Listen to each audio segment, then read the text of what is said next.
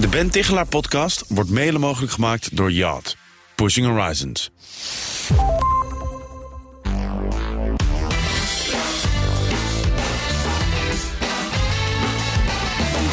Het was niet de bedoeling, maar we betreuren de uitkomsten. Schandalen over te hoge bonussen, onverantwoorde gasboringen of te harde handhaving bij toeslagen. We verwachten meer dan ooit een ethisch kompas van overheden en grote bedrijven. Maar ja, hoe regel je dat? Hoe voorkom je bijvoorbeeld echt domme fouten op dit gebied? Dit is de Ben Tichelaar podcast en ik praat over dit onderwerp met Eliane van Steenbergen. Zij is hoogleraar sociale psychologie aan de Universiteit Utrecht. Eliane is gespecialiseerd in de psychologie van het toezicht. Daarnaast is ze werkzaam bij de autoriteit Financiële Markten. Eliane, leuk dat je er bent. Goedemiddag. Ja, ehm, we verwachten nogal wat als burger of als consument of als belegger. We verwachten steeds meer een ethische bedrijfscultuur. We willen dat bedrijf zich eerlijk, verantwoordelijk en milieubewust gedragen. En toch gebeurt dat niet altijd. Uh, heel recent zag ik bijvoorbeeld in de Nederlandse Innovatiemonitor dat geloof ik maar liefst 20% van de Nederlandse bedrijven nog geen enkel plan heeft op het gebied van klimaatactie. Hoe kijken naar dit soort dingen? Ja, ja, dat was natuurlijk jammer. De grootste vervuilers willen het minst veranderen, hebben de minste plannen. En daar schrik je natuurlijk van, daar hoop je van dat het verandert. Uh, maar toch moeten we hier denk ik niet al te simpel uh, naar kijken, omdat het ook uh, zo is dat het voor die bedrijven waarschijnlijk ook het allermoeilijkst is om te veranderen. Ja. Um, dus je zou ook kunnen zeggen van nou ja, je, wij houden er vaak een weten, willen, kunnen model op na. Van, Wie zijn wij in dit geval? Nou, onderzoekers op dit gebied ja. van de psychologie van toezicht. Weten, willen, kunnen. Ja, ja? precies. Dus uh, weten mensen bijvoorbeeld bij het naleven van wetten of ethisch uh, je gedragen? Weten mensen eigenlijk wel wat de, wat de bedoeling is, wat de wet is? Uh, kunnen ze de wet wel naleven of het juiste doen in een organisatie? Want vaak bijvoorbeeld prikkelen, beloningsprikkels of een torenhoge werkdruk medewerkers eigenlijk 180 graden de andere kant op. Ja. Um, en dan komt nog willen ook nog. En dan denken en we willen vaak, ze het wel. Ja, we ja. denken heel vaak ze willen niet, maar het kan dus ook weten of kunnen zijn. Klopt, ja. En, en het is van, van uh, een uh, als buitenstaander is het makkelijker om snel te denken ze willen het gewoon niet. Um, maar um, soms is het ook heel moeilijk om dat te doen. Dus kunnen ze het niet. En dat hangt ook weer samen. Als je niet precies ziet hoe je het kan doen, dan wil je het ook snel niet. Uh, dus eigenlijk kan je ook denken van nou ja, we moeten ze veel meer gaan helpen, bijvoorbeeld in plaats van uh, wegzetten als ze willen het gewoon niet. Oké. Uh, dat willen we als burgers dan heel graag. Dat willen we als consumenten denk ik ook heel graag. Hoe zit het met medewerkers? Uh, is het zo dat medewerkers in bedrijven hier ook eigenlijk kritisch naar hun eigen bestuur kijken? Uh, ja, dat is ook uh, sterk veranderd. En dat laat bijvoorbeeld ook het onderzoek van Naomi Ellemers uh, zien. van mensen willen heel graag werken voor een bedrijf wat moreel verantwoord is. Wat, wat, wat het goede doet. En, en medewerkers die blijven ook veel langer bij dat soort organisaties werken. Die hebben veel meer aantrekkende werking op nieuwe medewerkers. Um, en um, nou, dat hangt gewoon wel samen met de algehele trend. Mm -hmm. Dat van de laatste twintig jaar of zo kapitalisme is ook een beetje een vies woord geworden. Hè? Ja, ja. Um, uh, steeds meer wordt verwacht van bedrijven dat ze niet alleen bezig zijn met is het rendabel, hè? maken we wel winst en mag het legaal, maar dat ze ook bezig zijn van met de vraag is het het juiste om te doen en niet alleen een soort minimumlat halen, maar ook in de geest van de wet het, het juiste uh, doen en ook bij nieuwe vraagstukken waar bijvoorbeeld helemaal nog geen wetgeving voor is, dat ze ook het juiste doen. Ja. En zo ook bijvoorbeeld op klimaat uh, wordt dat steeds meer verwacht.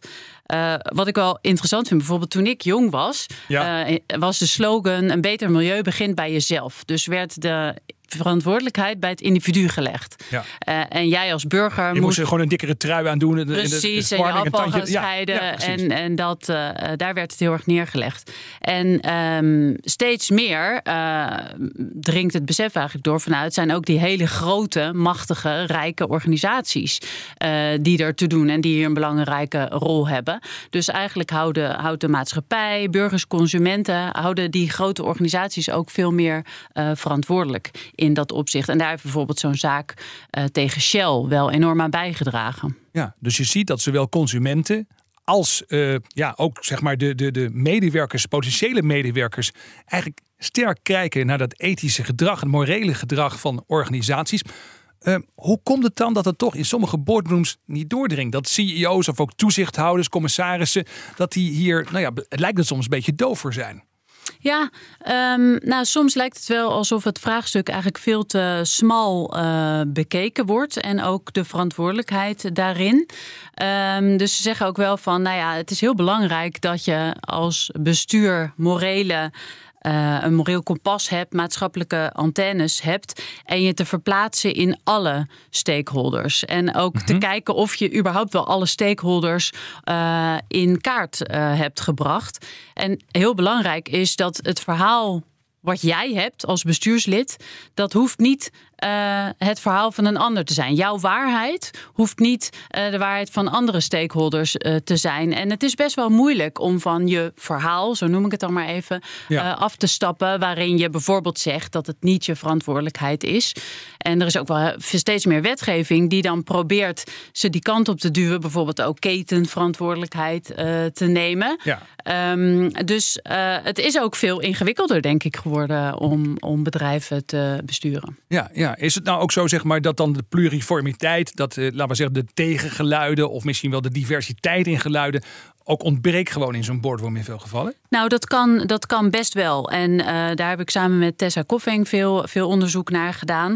Uh, bias in besluitvorming. En ja. uh, vaak wordt ook wel een beetje aan zelfoverschatting gedaan. Hè? Van, goh, ik heb zoveel intuïtie, ik heb zoveel ervaring, daar vertrouw je op. Maar dan kan je dus juist de mist in gaan. Je hebt echt tegengeluid nodig om die verkeerde aannames eigenlijk naar boven te krijgen. Ik, ik kom dat even tussen tussendoor. Maar komt ja. dat meer voor bij mensen die zeg maar hoog in de boom zitten bij organisaties? Dat ze zichzelf sneller overschatten? Want vertrouw je intuïtie, dat klinkt natuurlijk heel erg mooi. Maar goed, je intuïtie is vaak in een bepaalde richting gevormd. Hè? Ja. Uh, bekend voorbeeld, uh, iemand die jarenlang Rembrandts bestudeert. Ja, die kan wel intuïtief zeggen, nou dat is een vervalsing of dat is een echte. Maar als leek weet je dat niet. Hoe, vaak, hoe vaak is je intuïtie nou echt ook zo getraind... dat je bijvoorbeeld dit soort maatschappelijke issues goed kunt inschatten als bestuurder? Nou, het is, het is heel erg moeilijk. En iedereen zit in feite in zijn eigen bubbel. Uh, en, en bestuurders ook. En um, er is ook veel onderzoek wat laat zien dat, hoe, uh, dat de machtspositie aan zich al zoveel doet. En ja. uh, ook hele simpele experimentjes waarin ze gewoon een willekeurige groep indeelden. Hè, van jij hebt positie van macht en jullie niet. Dan zie je al heel snel dat de mensen in de positie van macht minder geneigd zijn zich in te leven in anderen. meer globaal te gaan denken. Um, en, en ook meer met zichzelf zichzelf bezig Meer met zichzelf bezig te gaan. dus het, is, het is best wel ook ingewikkeld, uh, uh, denk ik. En maar dat moet je dus doorbreken. Precies. En dan moet je dus zorgen dat je in die bestuurskamer of, of uh, bij die vergaderingen met die toezichthouders, ja. dat er dus ook andere geluiden binnenkomen. Maar dat gebeurt toch eigenlijk dan te weinig, denk ik, of niet? Nou, precies. En het tegengeluid organiseren, dat moet ook geen check-the-box exercitie worden. Hè? Nee. Van we hebben het erover gehad, het is ter tafel geweest. Nee, het moet ook echt meegewogen worden. En wat daar heel belangrijk voor is, is dat er psychologische veiligheid heerst. want um, dan alleen komt alle informatie uh, ter tafel. Ja. En het is gewoon ook heel ongemakkelijk om iets heel anders te, uh, te zeggen. Waarvan je eigenlijk weet, niemand zit hier op te wachten. Het gaat ons enorm vertragen. We hebben er nog geen concreet beeld bij. Dus dan zal je niet zo snel geneigd zijn dat tegengeluid uh, te laten uh, horen. Gaan we straks nog over hebben. Ook ja. misschien eigen ervaringen die je daarin hebt. Ben ik wel heel benieuwd naar ja. eh, hoe moeilijk het soms is om je uit te spreken. Eerst nog eventjes terug. Aan de ene kant zien we dus uh, een grotere roep om moreel juist gedrag van organisaties. Aan de andere kant zie je dat dus uh, ja, in de besturen van organisaties dat het niet altijd voldoende doordringt. Ja, dat gaat natuurlijk tot problemen leiden. We hebben al allerlei rampen op dat gebied gezien, zou je kunnen zeggen. Maar er gaan er waarschijnlijk nog veel meer komen. Um, nou ja, daar, uh, daar kan ik geen voorspelling over doen. Maar nee, we hebben natuurlijk wel heel veel ik, voorbeelden ja. Ja. inderdaad van, van grote uh, schandalen. Bijvoorbeeld inderdaad die toeslagenaffaire. Toeslagen, ja precies. Ja. Uh, ING, uh, ja. ja. bonussen, witwassen. Uh, ja, ja, precies. En ook saillant dat het dan precies op dezelfde tijd eigenlijk speelde. Hè? De grootste boete omdat er te weinig werd gedaan tegen witwassen, 775 miljoen. Precies. En tegelijkertijd moest de hoogste baas uh, een salarisverhoging hebben van 50 Ja, dat, dat, komt in de hoofden van de gewone burger en consument niet bij elkaar, die twee dingen. Nee, ja. precies. En bij hun was dat dus een volstrekt logisch uh, verhaal. Ja. En um, misschien hebben ze wel ergens op een punt tegengeluid gehad, maar dat is dus niet uh, echt meegewogen. Is dat nou zeg maar, eh, kun je dat nou als onethisch gedrag bestempelen? Of zeg je wel, ja, dat is eigenlijk gewoon dommigheid? Um, nou ja, wat, wat in ieder geval uh, achteraf zou je bestempelen mensen dat dan zelf als een fout, hè? een foute inschatting. Daar hebben we te weinig oog uh, voor gehad. Ja. Um, en um, uh, dus, dus daar is veel te smal naar, naar gekeken. En zo kan je je zelfs ook als bestuur van je eigen medewerkers vervreemden met dat soort hele hoge beloningsverschillen bijvoorbeeld. Dat blijkt ja. ook wel weer uit, uit ander onderzoek. Het gekke is, uh, je zou kunnen zeggen, uh, als wij er zo over praten, dit zie je toch aankomen van tevoren. En pas wanneer het op een gegeven moment breed wordt uitgemeten in de media. En dat je, dat je uh, bij wijze van spreken in hoofdletters voor op de telegraaf staat. Dan lijkt het soms mensen pas wakker worden op dit gebied. zijn er ook manieren om dat, iets, om dat gewoon voor te zijn? Om er niet weer op die manier in te trappen? Ja, um, en dan, dan gaat het dus om uh, dat je uh, dat tegengeluid uh, niet alleen um, organiseert, maar dat, je, dat je het dan ook echt opzoekt en, ja. en meer meeweegt. Um, want, en ook zo'n zo'n RVC hè, is, is daar natuurlijk ook, ja. die is daarna ook... De Raad van Commissarissen zegt er even bij, Precies, ja, die, die zit dus ook gewoon te slapen dan. Ja, die zit ook gewoon te slapen en die eh, gaat ook te gemakkelijk mee in het eigen verhaal. Nee, dit klopt wel, want het is afgesproken en die en die prestaties um, uh, die zijn in lijn met wat we afgesproken hadden. Dus we laten dus daarom die salarisverhoging. Dus die zagen dat als twee verschillende issues. Ja ja, dat is erg interessant. Ik zit me nog even af te vragen zo tussendoor. Hebben het over dat mensen soms een beetje in hun eigen bubbel zitten. Of dat die andere geluiden niet binnenkomen. Maar ik denk dan ook, als je de hele dag achter in een Mercedes S-klasse zit. Of een Audi A8 die je wordt rondgereden door het land. Dan heb je toch ook geen beeld meer van wat er echt leeft. Nou, maar dat is ook, uh, dat is ook een, een, uh, een, manier om zeg maar, dit soort fouten te voorkomen. Hè? Door uh, dus niet alleen je eigen aannames te checken. Maar ook heel erg naar het uitvoeringsniveau te luisteren en daarmee te acteren. En daarmee bedoel ik de mensen die het echte werk doen lager in de organisatie. Uh, probeer uh, dichtbij de mensen te staan die het werk ja. echt doen. En daar ook naar te luisteren. Veel meer, veel te vaak wordt er eigenlijk besloten over die mensen die het uh, gewone werk doen. Uh, en voor die mensen. En um, is er helemaal geen. Um, besef meer van hoe hun werk eruit ziet, uh, bijvoorbeeld. Dus blijf in touch ook en leer van hun. Verplaats je in hun perspectief. Kun je dat ook, kan je dat gestructureerd doen? Moet je dat, kan je dat analyseren? Zijn er methodes voor? Want bedoel, ik kan me voorstellen dat als je op de werkvloer gaat luisteren, dat je soms hele andere dingen hoort dan wat je zelf had verwacht als bestuurder. Ja, precies. Nou ja, en het, het is ook um, uh, zeg maar een, een, tendens is gewoon van uh, we gaan het opschrijven. Hè? Het gewenste gedrag van de organisatie gaan we opschrijven in bijvoorbeeld een gedragscode. Ja. Um, en helpt dat nou? Um, nou ja. Um, dat is een goede stap, maar daar ben je er nog helemaal niet mee. Want papier is heel weinig leidend voor gedrag in organisaties. Dus je moet echt veel meer um, uh, kijken hoe worden die medewerkers op dat uitvoeringsniveau nou aangestuurd door hun leidinggevende. Ja. Dus wat je als bestuur doet, ja, ga een keer meeluisteren en ben operationeel uh, betrokken. Dat kan natuurlijk niet in de tijd, zeker niet bij hele grote uh, bedrijven. Maar waar je wel verantwoordelijk voor bent als bestuur is scherp doorlichten. Wat leren wij eigenlijk onze leidinggevenden in deze organisatie? Ja. Ja. En organisaties staan daar onvoldoende bij stil. Want leidinggevenden die hebben wel heel veel impact op het gedrag van medewerkers uh, in de hele organisatie. Dat betekent dus eigenlijk op meerdere manieren zorgen dat je een soort reality check doet. Aan de ja. ene kant kijken wat voor ethisch of onethisch gedrag zien medewerkers, maar ook wat is de uitvoeringspraktijk? Hoe ziet het eruit als je ja. gewoon medewerker bent? En wat zie je of hoor je of krijg je allemaal mee van je direct leidinggevende? Precies. En, en die leidinggevende bijvoorbeeld wordt hen geleerd om psychologische veiligheid te creëren. Wordt hen geleerd om alert te zijn op signalen voor, van medewerkers. Dat ze bijvoorbeeld ergens een ongemakkelijk gevoel uh, bij hebben. Um, bemoedig je dat? En uh, als, er, als er iemand onbedoeld een fout maakt, hoe ga je er dan mee om als leidinggever? Dat zijn ook cruciale dingen. En daar wordt maar heel weinig bij stilgestaan. Heel vaak wordt er dan een e-learning module voor de medewerkers okay, bedacht. Ja.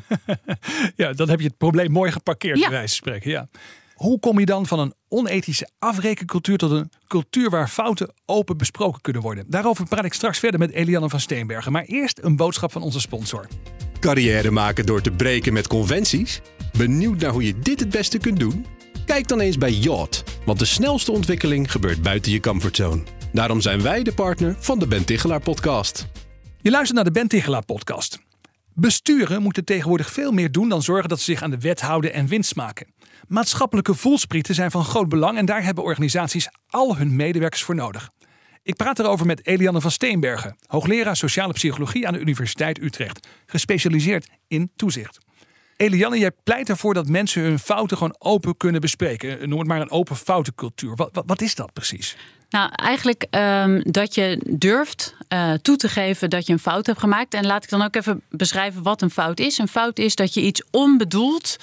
Uh, dus niet intentioneel uh, verkeerd doet. Dat je achteraf denkt, oh, dat had ik anders willen aanpakken.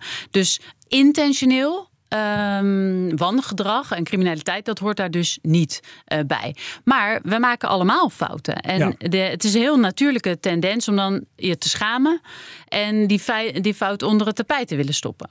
Um, als je uh, in een uh, afrekencultuur zit, dan doe je dat ook. Dan wil je niemand laten zien dat je die fout hebt gemaakt. Ja. Uh, want dan ga je, gaat straks je beoordeling naar beneden en dan kan je die promotie wel op je buik schrijven. In een open foutencultuur durf je dat dus wel. En um, sterker nog, wordt het goed gevonden als je je fout deelt. En dan wordt die fout ook aangegrepen om van te leren. Niet alleen op individueel niveau, maar ook op teamniveau en ook organisationeel. Dus je wordt er niet op afgerekend. En uh, dat helpt heel erg. Wat voor, soort, wat voor soort fouten zie je dan in de praktijk waarvan je zegt, nou dat, dat is nou goed om dat te bespreken? Kun je een voorbeeld geven? Nou ja, allerlei uh, uh, zaken uh, kunnen natuurlijk fout gaan. Je kan datalek creëren. Je kan technisch kan je je IT-systemen ineens, weet je wel, een, een, fout in, in hebben zitten. Ja. Ook op op elk niveau, altijd overal komen fouten voor. En ook bijvoorbeeld inschattingsfouten. Dat je een, een, um, een vraagstuk eigenlijk veel te smal bekeken hebt. Waardoor ja, je ja. helemaal niet um, bepaalde stakeholders in beeld had. Of helemaal niet had verwacht dat het uh, deze kant op was gegaan. Ja, wat levert zo'n open foutencultuur op? Als je dus op een gegeven moment daar over dit soort dingen dus vrijheid met elkaar kunt spreken. Wat heb je eraan? Ja, nou uh, daar is best veel onderzoek naar gedaan. Het laat uh, zien dat organisaties met een open foutcultuur dat die veel creatiever zijn.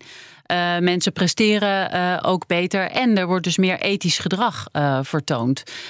omdat je dus eigenlijk stel je heel kwetsbaar op. Hè? Ja. Um, dus je zegt eigenlijk: Goh, ik heb het gewoon verkeerd gedaan. Ik heb me totaal verkeerd voorbereid daarvoor. En daardoor is deze klantrelatie minder goed verlopen. Dat ligt aan mij. je stelt je heel kwetsbaar op. En zo gaan mensen gaandeweg ook steeds meer praten over: is dit nou het juiste om te doen? Goh, ik heb hier Ja. een ongemakkelijk gevoel bij. En dat is wel interessant, want dat hoor je niet zo vaak. Als het gaat over psychologische veiligheid, gaat het vaak over innovatie en meer creativiteit. Dat Ja. is natuurlijk heel belangrijk. Maar het heeft dus, wat jouw onderzoek betreft, ook een echte relatie met ethisch gedrag. Zeker. En ook die uh, heel veel grote schandalen, bijvoorbeeld ook bij Volkswagen, maar ook bij de toeslagenaffaire. Ja. Geluiden waren op dat uitvoeringsniveau, op dat lage organisatie. Uh, niveau al lang aanwezig. Ja. Um, dus, uh, en, um, dus er zijn heel vaak helemaal geen klokkenluiders nodig als je zorgt voor een psychologisch veilig klimaat. En als leidinggevende er ook echt naar luisteren en er iets mee doen hè, uh, met die signalen. En het is heel moeilijk om alert te zijn op dat soort signalen van medewerkers. Want het kan ook dat bijvoorbeeld iemand heel stil blijft en juist niks zegt Ja. of op zijn stoel heen en weer zit te wiebelen. dus um, je moet daar echt een extra stap voor zetten om dat naar boven te krijgen. Ja, want dan heb je dus op een gegeven moment het probleem dat je als bestuur of bestuurder um, een onveilig klimaat creëert. Waardoor mensen niks zeggen. En dan zeg je achteraf ook nog een keer van ja, maar ze zeiden niks. Dan geef je alsnog extra de schuld aan de medewerkers in dit geval. Lijkt me dat je dan wel erg gepakt voelt als je bij zo'n bedrijf werkt. ja, waarschijnlijk wel. Ja. Zeg, um, nou kan je natuurlijk op een gegeven moment ook allerlei dingen wel uh, op papier goed regelen. Je kunt ook misschien wel in de media zeggen dat je streeft naar bepaalde dingen. En dan intern worden toch weer andere dingen beloond. Uh, klassiek voorbeeld, ik sprak recent iemand die werkt bij een adviesbureau. Daar worden natuurlijk mensen aangenomen en dan wordt er allemaal gezegd van ja, we willen proberen zo goed mogelijk inhoudelijk advies te geven, echt goed onderzoek doen. En aan de andere kant wordt toch vooral beloond, uh, worden toch vooral beloond als je uh, nieuwe klanten binnenhaalt. Gaat het uiteindelijk toch gewoon om de omzet. Um, zie je dat in de praktijk veel gebeuren. Dat het een wordt gezegd, maar het andere als, alsnog eigenlijk wordt beloond. Ja, ja, en dat is ook heel belangrijk om daarnaar te kijken van wie in een organisatie wordt nou gepromoveerd. Ja. Ehm, en ehm, wie, de, wie er stijgt uh, op de carrière ladder, daar wordt extra naar gekeken. En dat wordt als signaal door medewerkers opgevat. Dus als dat iemand is die inderdaad een superhoge uh, omzet uh, genereert, maar het niet zo nauw neemt met de regels. Um, en die wordt gepromoveerd, dan zegt dat naar medewerkers toe dat het niet zo belangrijk is om je aan de regels te houden. En dat je uh, dus vooral alleen maar gericht moet zijn op verkoop uh, om hier carrière te maken. En een bestuur of het hogere management hoeft zich niet per se bewust te zijn van dat een uh, medewerker het niet zo nauw neemt met, met de regels, hè, degene die Ja. promotie kreeg. Ja. Dus je moet eigenlijk, wat ook heel zonde is, is dat als leidinggevende promotie krijgen, dan gaan ze vaak op het peerniveau vragen hoe die leidinggevende het doet. En ze vergeten de ondergeschikte, de medewerkers te vragen hoe die leidinggevende het eigenlijk heeft gedaan. Dus worden ze eigenlijk onvoldoende serieus genomen. En ehm peerleidinggevenden krijgen helemaal niet alles mee. En zeker niet eh, hoe iemand het doet, bijvoorbeeld op eh, eh, psychologische veiligheid Ja, creëren. achter de schermen, in Ja. de teamvergadering, dat soort dingen. Ja. Heel interessant. Dus je moet ook echt aan die medewerkers vragen van hoe doen nou die leidinggevenden het? En dan moet je dus nadenken over de vraag van welk signaal zenden we eigenlijk uit in de organisatie als deze persoon promotie krijgt. Ja.